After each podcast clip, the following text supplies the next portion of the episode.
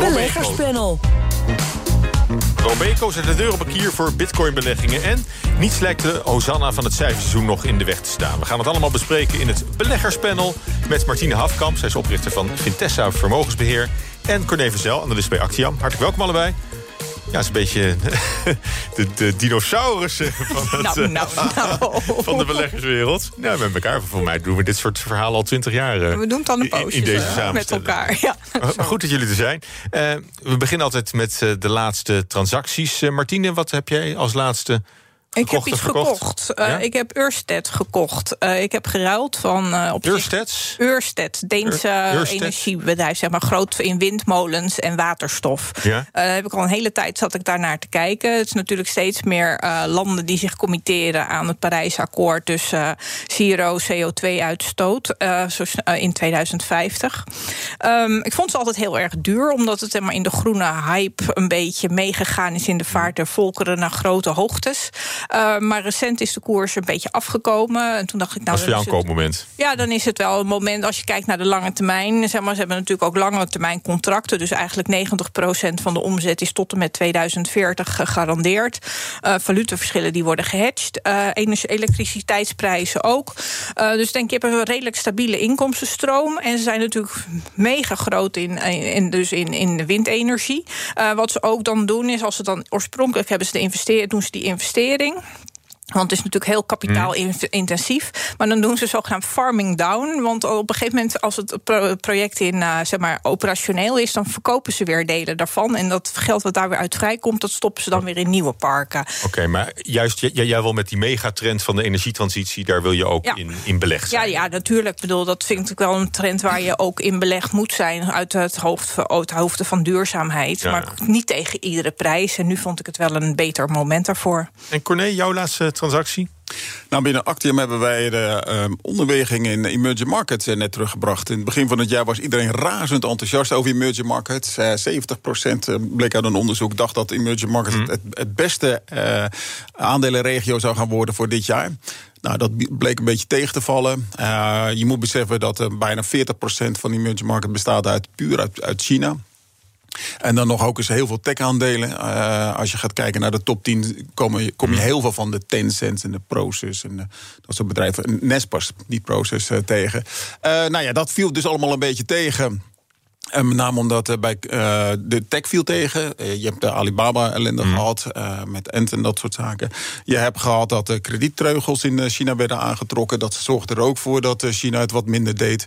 Ehm, je hebt Turkije gehad. Niet dat Turkije zo'n zware weging heeft, maar Turkije zorgde er wel voor dat mensen dachten: oh ja, ja, emerging markets, daar is de centrale bankier on- ontslagen. Dat deed al in twee jaar tijd. Daardoor ging de Turkse markt heel hard naar beneden en de Turkse lira ook nog eens heel hard naar beneden. Dus dat zorgde ervoor dat mensen met de feiten of eh, op de risico's werden gedrukt. Op, op zich goed. En nou he- heeft het, eh, segment het zo slecht gedaan dat wij hebben gezegd van nou weet je, wij vinden het wel even genoeg geweest. En we hebben onze onderweging teruggebracht en zitten nu neutraal. Oké, nou ja. En dan even het belangrijkste nieuws eh, van, van vandaag. Ja, toch uit de cryptohoek. hè. Bitcoin Ether vanochtend naar een recordhoogte. 62.500 euro kost een bitcoin nu, Corné. Ja. En je hebt ze niet, hè? Nee, nee, nee. Ik eh, denk altijd nog aan- Spijt, of niet? Nou, ik, toen ik eh, een jaar of zes, zeven geleden op eh, 400 dollar een student ooit tegen mij zei: Je moet in crypto's beleggen. Zei ik: Ik beleg nooit in iets wat ik niet snap. Ehm, dat, is, dat heb ik niet gedaan en nog steeds niet gedaan, inderdaad. eh. dus wat Ja. dat betreft eh, heb jij ik daar ook een goede niet, ervaring Nee hoor, ik zit er ook niet in. Nee, maar jullie, jullie zijn Oh. ook echt, echt, echt huiverig en afhoudend om, om hier iets mee te maken te hebben? Of, eh, Nou, ik denk dat er nog heel veel. Je ziet het ook natuurlijk. Je moet tegen koersfluctuaties kunnen. Dat moet je natuurlijk sowieso als je aan het beleggen bent. Maar hier gaat het allemaal nog net wat harder omhoog en naar beneden. En ik kan me nog heel goed herinneren. Dat was volgens mij twee jaar geleden rond de, eh, zeg maar de, in december. Toen stond het ook heel hoog, eh, Bitcoin. En toen ging opeens iedereen had het ook over Bitcoins. Je werd de hele dag erover op aangesproken. Daarna ging het ook weer hard naar beneden. Dus dat zijn dingen, daar moet je tegen kunnen. En ik denk dat ik, als ik dat voor klanten zou doen, dat ze daar niet zo heel blij van worden. en als je, als je nou zo- zoekt naar een verklaring voor die, voor die meest recente stijging ook weer, zou dat dan kunnen zijn omdat Tesla, Mastercard, Visa en PayPal Bitcoin nu ook als betaalmiddel accepteren? Of, eh, of is dit, heeft dit eigenlijk alleen maar met speculatie te maken van de, van, nou van de gelovigen? Uh, ik denk dat de, de, stijging die net op het journaal was... dat komt door de, de beursnotering van Coinbase... Een, zeg maar, een, een handelaar in, uh, in crypto's. Uh, als je gaat kijken naar de hele stijging van dit jaar... dan komt het vooral omdat iedereen denkt van... ja, als iedereen straks met crypto's gaat betalen... als iedereen straks met bitcoins gaat betalen... dan is er, ontstaat er zoveel vraag naar... en dus moet je ze nu al hebben. Nou, daar is wat voor te zeggen. Ik denk wel ook gelijk dat daar het gevaar in zit om in crypto's te beleggen. Want ja, wat is het nou eigenlijk? Het is natuurlijk helemaal niks. Dat kan je ook voor uh, de euro's zeggen die in je zak zitten. Die stellen eigenlijk ook helemaal niks voor, zolang er maar vertrouwen is. En als dat vertrouwen er is. Het probleem is, als dat vertrouwen inderdaad op een gegeven moment dusdanig groot wordt dat je er daadwerkelijk mee gaat betalen, is het een bedreiging voor het hele financiële systeem. En zal het mhm. ongetwijfeld verboden worden. En heb je niks meer aan je bitcoins. Ja, en dus als... het, het, het, het, heeft zijn eigen. Uh, ja, het succes breeds its own uh, failure. Oké, dat is een mooie uitdrukking. De. Um ja, er zijn ook, ook gevestigde marktpartijen die, die langzaam maar zeker ook, eh, ook hun, uh, hun klanten in de gelegenheid geven om in, in bitcoins te beleggen. Ja, en. Robeco zet de deur een beetje open. Uh, ik geloof dat eerder al echt de grote Wall Street firma's ook. Uh... Ja, nou, voor, die Wall Street firms is het makkelijk. Als, je, als zij er geld aan kunnen verdienen omdat hun klanten erin gaan, zullen ze het als eerste aanbieden. En dus je ziet dat de alle eh, indexfondsen zijn er ook al meegekomen. De Goldman Sachs zijn er al meegekomen. Als klanten daarin willen, prima, zolang hun er maar geld aan kunnen verdienen. Het maakt niet uit of, of de klanten er geld aan verdienen. Dat is een hele andere zaak. Dus wat dat betreft bieden ze het allemaal aan. En, maar ook dat betekent weer meer vraag. En, uh, en wat dus er ook Robeco zegt. Als je naar een wereldwijde aandelenportefeuille gaat kijken. en je doet alles op marktwaarde. zou dus op nu op 0,6% van een wereldportefeuille uh, uit, uit bitcoins eh, bestaan. En dus zeggen ze, nou, is er een case te maken om voor 0,6% voor je portefeuille in bitcoins te gaan. Ze bieden het zelf niet aan trouwens. En gaan we nog meemaken, ik denk het niet als ik jullie zo, zo hoor, dat uh, Vintessa en Actiam nog uh, binnenkort ook... Nou, Vintessa zal het niet zo heel snel gaan doen, zeg maar. Want uh, nou, kijk, je, je hebt ook nog erbij dat het natuurlijk nu als alternatief voor goud wordt gebruikt. nou ja, bedoel, dat is dan, als je het dan zo bekijkt, is het natuurlijk altijd, je moet weer iemand anders vinden die er meer voor over heeft, zeg maar. Uh, dus, en de lange termijn case is er nog niet zo heel goed voor te maken. Ik bedoel, we zitten nog wat dat betreft, er komen nog steeds uh, cryptomunten bij. Dus het is ook niet per se dat bitcoin dan de, de place to be is. Dat moet allemaal ook nog weer blijken, zeg maar. Dus ik zie, bedoel, en dan ben ik een beetje, zit ik een beetje op de fiets van Corné, zeg maar. Als je het niet echt kan uitleggen aan een klant waarom je dat zou gaan doen. En kijk, nou ja, wat ik al zei, klanten hebben bij ons een veel langere horizon dan uh, twee maanden en ook dan een jaar, uh, dan vind ik het lastig om dat in te passen. Of dat zie ik het nut niet zo van. Dat is duidelijk. Nee, maar we gaan, ook, we gaan ook door naar het volgende, volgende item. Hoor. En dat is het uh, kwartaalcijferseizoen. Hè. We hebben net de jaarcijfers gehad. En dan uh, liggen de, de, de eerste kwartaalcijfers alweer op tafel. Um, daar, of tenminste, daar wordt naar uitgekeken. Want die komen de, in, de, in de weken die voor ons liggen. Maar de verwachtingen zijn hoog gespannen, Corné. Ik heb jou horen zeggen 24% winststijging. Oh, is, is de gemiddelde verwachting voor eh, S&P-bedrijven. Eh, ehm, dat, jij gaat kijken of dat, of dat er ook uitkomt. Maar wat, wat is je verwachting? En mijn verwachting is hoger dan die 24 procent. Dat klinkt als een enorme hoge drempel van hoe kan je die hele hoge verwachtingen nou verslaan. Um, en het grappige is, normaal gesproken zijn die analisten veel te optimistisch. Ze zetten allemaal veel te hoge mm. taxaties neer. Alleen in een herstelfase zijn ze vaak uh, juist te conservatief. Denken ze, ja, maar zo hard zal het allemaal niet gaan. En we zitten nu in zo'n herstelfase. Dus normaal gesproken zou je Een enorme rebound krijgen we te Dat zien, je daar nog bovenuit komt. Ja. Maar 24 procent is wel een hele hoge drempel. Maar in Europa ligt de grens zelfs op 35 procent. Nee, joh, toch veel hoger voor de S-stok 600. Ja? Staat hij op 47,5. 47, ja. ja, het ligt eraan of je dan in- of exclusief de verliesgevende bedrijven meeneemt en dat soort zaken. Maar de, de drempel in, in Europa is in ieder geval hoger. En, en is die winststijging een beetje gelijk verdeeld over de hele linie? Of zijn er bepaalde bedrijven, bepaalde sectoren die er echt bovenuit springen en, en ook achterblijvende segmenten van? Energiebedrijven zijn degene die het, uh, waarvan de grootste stijgingen wordt verwacht. De uh, olieprijs is natuurlijk een stuk hoger. En bij banken die hebben natuurlijk vorig jaar al een flinke voorzieningen genomen in het eerste kwartaal. En die hoeven ze nu niet meer te nemen. Dus ook daar zal je zien dat. Uh, hm. En dan vooral nog meer in de Verenigde Staten, maar ook in Europa. Ja, die voorziening hebben ze niet meer nodig. Er gaan geen bedrijven failliet. Ja, maar Martine, juist als de, als de winstverwachtingen zo hoog, zijn, hoog gespannen zijn, kunnen kleine afwijkingen misschien wel voor, uh, voor flinke koersbewegingen zorgen. Ja, nou je ziet het eigenlijk al, wat Corné ook zegt. Je ziet eigenlijk al een paar kwartalen achteraan, achter elkaar. Hè, dat aan het begin van het kwartaal zijn de winstverwachtingen nog redelijk laag. En die lopen in de loop van het kwartaal ook op. Uh, dat zie je nu dan aan het begin. Maar ja, de vergelijkingsbasis is ook redelijk gunstig, zeg maar. Hmm. Dus daarom komen die enorme percentages er nu uit. Uh, nou ja, voor de techsector blijven de verwachtingen zoals altijd gewoon hoog gespannen. Dus, um, en gaan ze dat weer waarmaken. Ik ben niet zo optimistisch over Europese banken. Dat er, dat ze, ik denk juist dat ze nog redelijk lage voorzieningen hebben eh, genomen. Omdat er natuurlijk heel veel bedrijven gewoon overeind gehouden worden. En door allerlei steunmaatregelen. En omdat de rente zo laag is. Uh, maar ik denk dat ze daar misschien dat er potentieel veel meer slechte leningen daar in de boeken zitten. Amerikaanse banken maak ik me niet zo zorgen over. Want die hebben heel erg kunnen profiteren. Ook helemaal die zakenbanken van het uh, goede bedrijfsklimaat, zeg maar. Uh, en natuurlijk ook de beurzen die het zo goed hebben gedaan. En IPO's het komen. Het is eigenlijk een, een, hele sterke herstelbeweging. Ja, dus je ziet het ook. het ook dat je, dat je naar, uh, ja, de NRC noemt het de super achterblijvers moet, moet kijken? Nee, ja, nou ja, dat is meer omdat daar, daar een aantal van die koersen natuurlijk best ver op de muziek voor uitgelopen zijn. Dus dat moet er dan ook uitkomen. Maar als je kijkt uh, hoe ver de koersen nu gestegen zijn in het eerste kwartaal ten opzichte zeg maar, van de winstverwachtingen, dan zijn aandelen helemaal niet zo duur. Hè. Dan zijn ze eigenlijk gewoon goedkoper geworden als dat allemaal uitkomt. Dus uh, je kan ook zeggen, het is gewoon een heel mooi beursklimaat. Maar als er, er is ook weinig ruimte voor tegenvallers. En dan hoop ik inderdaad, net zoals Corné, dat dan die analisten nog steeds een beetje voorzichtig zijn. Maar je zag bijvoorbeeld Nvidia, die kwam nu, die moesten cijfers, of tenminste, die moest al aan verwachtingen aanpassen. Die kwam gisteren na beurs. Dus dat ze nog meer omzet zullen halen dan dat ze eerder dachten. En dan reageerde en, en ze kondigden nog een paar nieuwe producten aan. En dan ging de koers gelijk toch wel weer 5,6 procent op omhoog. Ja. Dus. Maar goed, het is ook wel een beetje, beetje over, overspannen. Een beetje een hysterische markt, eh, denk ik soms. Hè. Zijn jullie nog bang voor een uh, correctie misschien als, als um, kwartaalcijfers uh, tegen gaan vallen? Nou ja, puur als je naar het sentiment gaat kijken, in brede zin zie je dat er echt wel wat oververhitting is. En dat zijn meestal niet de beste periodes om te gaan beleggen. En ik denk dat je ook hier en daar best wel wat te teleurstellingen gaat hebben. He, bijvoorbeeld bedrijven die afhankelijk zijn van uh, de levering van semiconductors. Ja, die zullen hier en daar wel wat productieproblemen hebben. En daar kan best wel wat teleurstellingen komen. Maar dat zijn hele specifieke gevallen. En het is natuurlijk altijd maar tijdelijk. Het gaat er ook vooral om de verwachtingen die de bedrijven met die kwartaalcijfers naar buiten zullen brengen. Zaken doen. Ja, je luistert naar het uh, beleggerspanel. Daarin zit uh, Corné van Zel van Actiam en uh, Martine Hafkamp van Vintessa.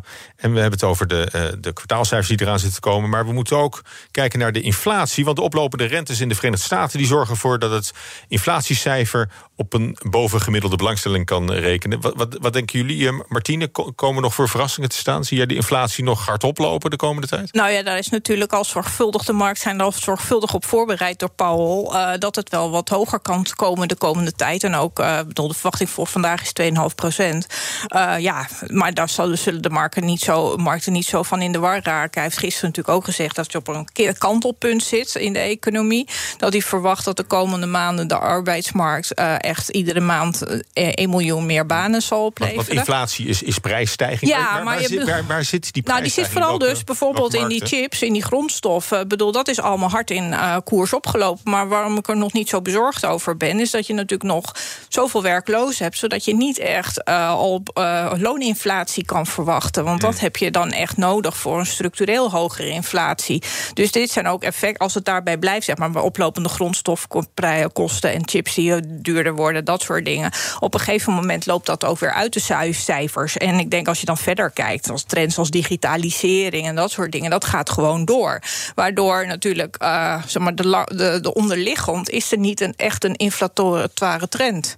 Dus ja, ik maak me, bedoel, je ziet ook dat de markt eigenlijk redelijk rustig is. In het begin van het jaar zag je een oplopende rente, vooral in de Verenigde Staten. Maar op het moment is het, valt het wel mee. En gisteren was er ook weer een uh, veiling van obligaties, Amerikaanse staatsobligaties. Nou, die ging zo de markt in, dus dat was ook weer niet zo'n probleem. Ja, wat, wat jij, Corné, dat een hoge inflatie in, cij in cijfer nog de jubelstemming een beetje kan, kan verpesten? Ja, in feite zijn, is hogere inflatie goed voor bedrijven, zolang ze het maar door kunnen prijzen. Mm. En je komt alleen maar in de problemen op het moment dat de loonkosten harder stijgen. Nou ja, en dat, er is nu zoveel werkeloosheid dat je mm. daar eigenlijk niet bang voor hoeft te zijn. Dus aandeelhouders zullen zeggen van, nou ja, hip, hoera, hoe meer inflatie, hoe beter. Zolang en, ja. sterk genoeg zijn om... En Fedbaas Jerome Powell die zegt, het is, het is maar tijdelijk. Nou, en dat, heeft hij ook wel gelijk. En wat Martine net ook al zei, er zijn de semiconductors... maar je ziet het in hele brede zin. Hè, ijzer, erts, koper, palmolie, noem het maar maar op. voer maar eens een containertje van China naar, naar Rotterdam. Zelfs zonder de opstopping die we hebben gezien... waren de prijzen al verviervoudigd. en, en dan nu dus, uh, om nog even op de kwartaalcijfers terug te komen. Hè, jullie zeiden net, uh, eigenlijk zijn de vooruitzichten die CEO's afgeven bij het uh, publiceren van de kwartaalcijfers, die zijn vooral van belang. Hè, want de, markt kijkt sowieso altijd liever, liever vooruit. Maar wat, wat, wat speelt er voor het bedrijfsleven in, in, de, in de komende maanden? We, we krijgen natuurlijk toch een soort afrekening, een, een soort balans opmaken van de hele coronacrisis. Ja, nou ja, in hoeverre ze mee kunnen gaan in, in een reopening uh, economy. En dat, dat geldt natuurlijk heel veel van welke bedrijfstak zit je nou precies. En in hoeverre uh, de bedrijven in Europa daar nog last van hebben. Kijk, wat je ziet is dat waar de economie het meeste last van heeft, zijn van bedrijfstakken die in de beurs eigenlijk niet aanwezig zijn. Het toerisme is een hele minimale weging. Vliegtuigmaatschappijen zijn een hele minimale weging in de gemiddelde index. Theaters, bioscopen, dat soort zaken allemaal, restaurants.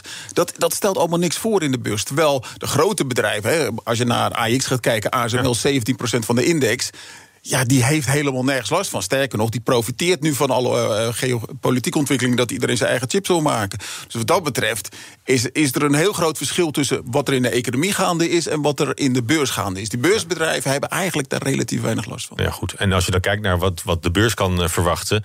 dan was dat de beursgang van Coolblue onder meer in Amsterdam. Maar die is uitgesteld. Die zullen nog tot het najaar moeten wachten. Ik geloof november, hè, die miljardenbeursgang van Coolblue. Volgens bedrijven is er meer tijd nodig om de relatie met investeerders uit te werken. En, en dat was eigenlijk het, eh, het, het nieuws, de financieel directeur die gaat met zwangerschapsverlof. Dus daarom kwam de beursgang even niet zo goed uit. Ja, dat vind ik. Martine, dat, wat, wat, dacht je toen je dat, toen nou, je dat, dat denk dat is gewoon een stok om mee te slaan. Denk ik dan. Want dat, het lijkt me zeer onwaarschijnlijk dat er precies één iemand is die van de financiële zaken uh, verstand heeft. Uh, verder snap ik het wel. Kijk, het was wel uh, het was aangekondigd in de zin van dat ze hadden gezegd van dat ze erover nadachten om Coolblue naar de beurs te brengen. maar het was niet echt super officieel aangekondigd. Maar ja, ze moesten nu wel dan met een statement naar buiten komen dat het nu in ieder geval nog niet ging gebeuren. Nou ja, ik vind het fijner dat er gewoon, als je echt zeg maar, dat helemaal gaat doen, dat je dan ook gewoon geen onzin uitkraamt op vragen. Want wij nu investor relations, dus in die zin vind ik het goed. En dan zegt, uh, lees je heel veel over, ja, maar het beursentiment is nu zo goed. En dus je laat dan misschien wel het vogel over, vogeltje over het touwtje springen. Maar ja, je kan ook zeggen aan de andere kant, als je kijkt naar Deliveroo, dat is helemaal niet goed gegaan. Als ja, dat je kijkt, was een flop. Ja, als je kijkt naar Inpost, wat in januari naar de beurs ging. Nou, dat was in het begin was het wel heel leuk met, met koersstijging. Maar daarna zakt het ook weer in elkaar. Misschien omdat ze veel te duur naar de beurs worden ja, gebracht. Omdat iedereen zich laat, laat Ja, maar dat heb je nu natuurlijk ook een beetje. Zo'n Coolblue, er wordt dan ook uh, worden gouden bergen verwacht. Dus natuurlijk ook vorig jaar is de omzet met 34% gestegen. Operationeel resultaat nog veel meer. Maar je kan ook zeggen, dit is echt het hoogtepunt van natuurlijk... als die economie weer open gaat, moet je ook weer kijken hoe dat gaat. Want we kunnen nu ook volop van het coronagedoe profiteren. Dus ja, bedoel, en ik denk als je dan weer kijkt... de Hal is natuurlijk groot aandeelhouder ook. Nou, die staat er niet onbekend dat ze heel slecht, uh, slecht management hebben, zeg maar. En dat ze slecht erover nadenken. En ik denk dat die ook niet zo op dat geld zitten te wachten. Want die zijn nog mee, bezig met Grand Vision natuurlijk. Dus er staat nog genoeg geld. Uh, dus ja, ja. bedoel ik. Maar, maar, maar Corné, die zwangerschap, is dat, is dat uh, totale onzin? Een grapje? Nou, een grapje zal het niet zijn, mag ik hopen.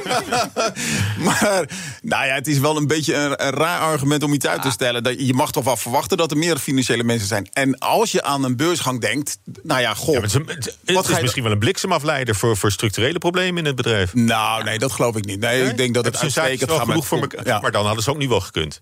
Ja, ik denk van wel. En, en heel simpel. Je, het is of je naar, met verkopersogen naar kijkt, zoals Hal en, en, en het management zelf, of met kopersogen, zoals de nieuwe beleggers. Ja, ik denk dat de, de, de tech-stukje is nu dusdanig hot dat het mij een uitstekend moment lijkt om wel naar de beurs te komen. Vanuit verkopersperspectief gezien. Uh, en uh, kijk, Impost is ook tegen de maximale prijs gegaan. Dat dat niet zo slim was voor de nieuwe beleggers om erin te stappen. Dat was een tweede. Ik snap überhaupt de business case daar niet. En bij Deliveroo, uh, idem dito. Dat waren gewoon slecht gemanagede IPO's. Ja, als je dit wat beter kan managen. En bovendien, ja, ik, ik zie wel in waarom dit bedrijf zo succesvol is. Hebben ze doen het denk toch iets beter dan de bol.com en uh, ja, de grote Amazon. Van, wat, wat, wat, zijn, ze, wat zijn ze waard? Nou, ze weer gokken op 4 miljard. Maar uh, het, er gaan ook geruchten dat het wel 6 miljard zou kunnen zijn. Dat is dan een beetje natuurlijk op een gegeven moment wat de, wat de markt ervoor over heeft. Mm. Maar ja, bedoel, dat, uh, dat, dat zullen we nu dus niet weten. Hè? Ja, en, en, maar goed, daar is, eh, dat, dat uitstel zal er ook een, een, een invloed op, op, op hebben. Dat kan. Ik bedoel, je kan ook in het najaar ook een hele goede beurs hebben. Ik bedoel, en wat we over hadden, over die zwangerschap. Bedoel, als ze nu bijna met zwangerschapsverlof gaat... dan was sinds februari ook al zwanger. Dus dat kan niet zo'n item zijn. Dus ja, ja. bedoel, dus eh, dat, dat wist je toen ook al. Dan, zeg maar. Dus ja, daarom denk je ook ik ook niet tot dat, november te wachten natuurlijk. Ja, nee, maar daarom is dat ook niet het argument, lijkt mij. En zal er gewoon... Nou ja, ze, ze, hebben heel zelf gezegd dat ze nog niet klaar voor zijn. Nou ja, dat is dan zo. En ja, bedoel, tuurlijk, je kan, nou, wat Corné zegt, en, ja, dit is nu een mooi moment. Maar je kan ook zeggen, nou ja, bedoel, als de economie weer open gaat, moeten we nog zien. En je ziet wel dat Amazon wel aan de, hard aan de weg timmert. Dus ja. Het zou wel een leuke toevoeging zijn voor de AIX, denk ik. Ja. Of, of, in ieder geval voor de Amsterdamse beurs. En, toch in, in, het, in het Hollands Glorie segment zitten we dan toch aardig. Uh, nou ja, dit is het, eigenlijk het zoveelste succesvolle techbedrijf wat we, wat we hebben gezien. Uh, ja, in feite is het gewoon een, een, leverancier die toevallig het via internet verkoopt. Maar ja, we hebben eigenlijk wel een hele mooie lange lijst. Uh, met techbedrijven die het ontzettend goed doen. En vandaar dat de AX het ook zo goed doet, omdat er zoveel techbedrijven in zitten. Dus deze is meer dan welkom. Nou, laten we maar hopen dat het dan uh, in het najaar wel doorgaat. Uh, ik denk dat dat uh, een, mo een, mooi moment zijn. Misschien dat we jullie dan weer vragen om, je commentaar erop te geven. Voor nu zit het er in ieder geval op. Hartelijk dank. Martine Hafkamp, oprichter van Vintessa Vermogensbeheer. En Corné van Zel, analist bij Axiom. Dank jullie wel. En straks gaan we het hebben over de toekomst van familiebedrijven. Want die hangt aan een zijden draadje.